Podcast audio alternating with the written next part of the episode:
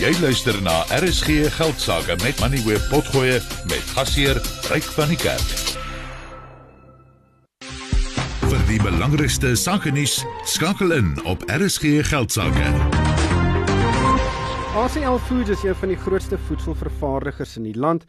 Meer as 21000 mense werk vir die maatskappy en dit besit 'n wye verskeidenheid bekende handelsname soos 5 Star Mieliemeel, Ouma Beskuit, Paimans Pastye, Rainbow Chicken, Salati Suiker, Yum Yum Grondboontjie Botter uh, en 'n hele rits ander. Daar's ook 'n hele reeks kosprodukte vir troeteldiere in in die groep se arsenaal. Uh, die Rupert beheerde Remgrow Remgrow groep besit so wat 80% van die maatskappy.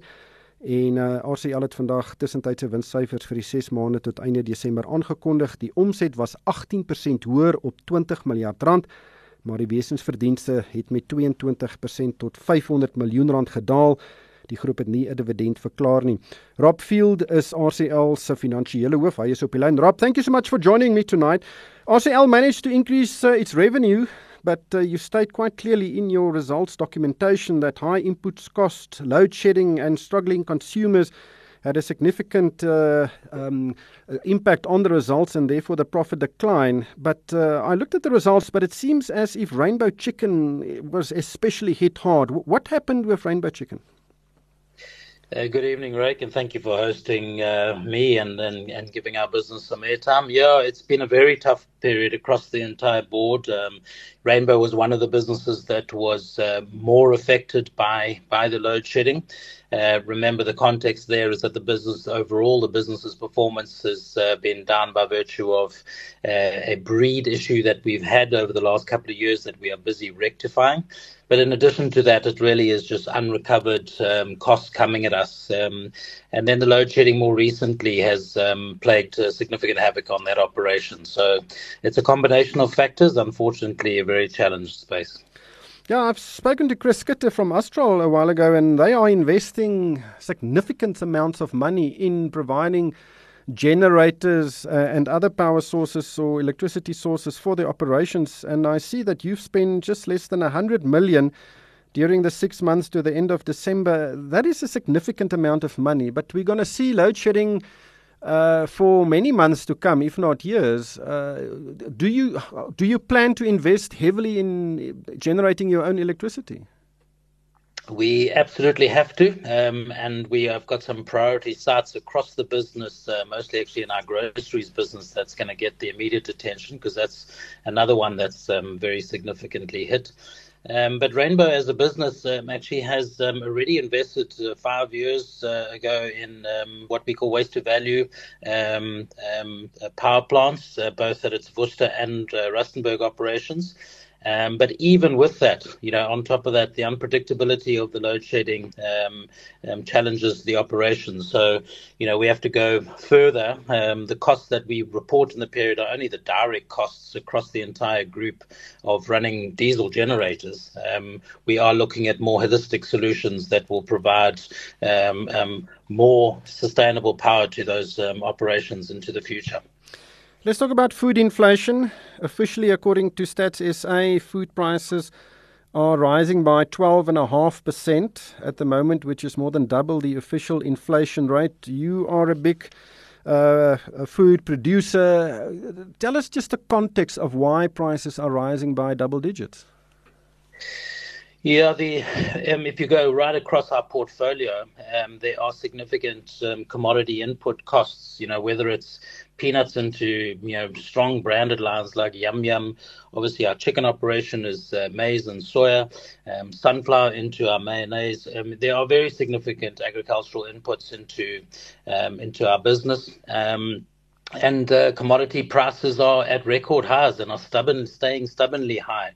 Um, then you have a run on the exchange rate, and so the import parity reference price for all of these input costs um, are just so much higher. Um, so, so it's largely that. Um, I mean, obviously, a big kick in, internationally in, in, in, the commodity space was the onset of the Ukrainian war, um, and so even access to to physical materials became challenged for a period. Fortunately, that is being able to be managed, but pricing remains high. I mean, as you can see, I mean, the, the, our increase in revenue is largely an inflationary increase, and uh, our margins are being uh, are, are, are, shaving. Um, so that tells you that we are um, in this period unable to recover all of the cost push um, coming at us. You said the the 18% increase in your revenue represents uh, you know the inflationary impact. How much of that 18% flows from inflation? I would uh, I would hazard a guess that it's somewhere um, between 10 and, and 13.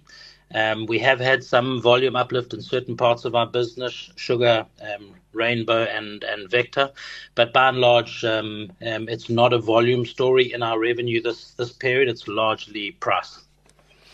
Now we've seen a lot of load shedding, uh, a weaker rand, more international uncertainty. The war in, in the Ukraine is continuing.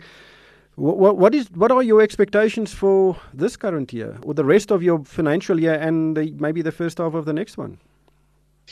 Yeah, sadly, we do see a very similar outlook um, from what we've experienced more recently. Um, we use the words um, of, of, resilience in, in, in the, kind of the commentary to our, our, results, and we think that's the most appropriate word to use. Um, we think it's an, actually an acceptable set of numbers in a very tough trading environment. Uh, load shedding is not going anywhere in a hurry. Our input costs, um, there isn't anything on the radar screen that suggests that we're going to see relief um, in that space. So we just got to continue. The mantra in the business is continue what we um, what we can um, control, um, and um, and focus on, on those elements, um, and make a plan where we where we need to.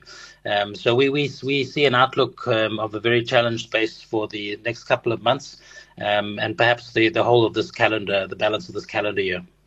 Rob, thanks for your time. Dit was Rob Field, hy is RCL Foods se finansiële.